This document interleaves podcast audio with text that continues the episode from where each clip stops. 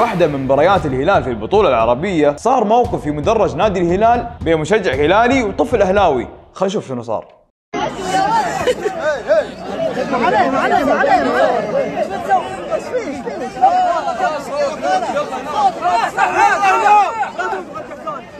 ما في أي مبرر يمد يده على طفل. مشجع أهلاوي وحضر المباراة. وخير يا طير يعني. من باب الذوق واحترام الغير. واحترام المنافسة الشريفة. ما يعني إن مشجع لنادي غير ناديك ما يجلس في مدرجات الخصم. طيب نفرض انه أهلاوي وجاي مع أخوه الهلالي وحضر المباراة. وين المشكلة؟ بتقول لي لا الموضوع مو كذا. وفهمت غلط. ايا كان. حتى لو إن الخطأ على الطفل ما لك حق تمد يدك. وما ننسى المشجع الهلالي اللي لابس أبيض. بيض الله وجهك على هذا التصرف.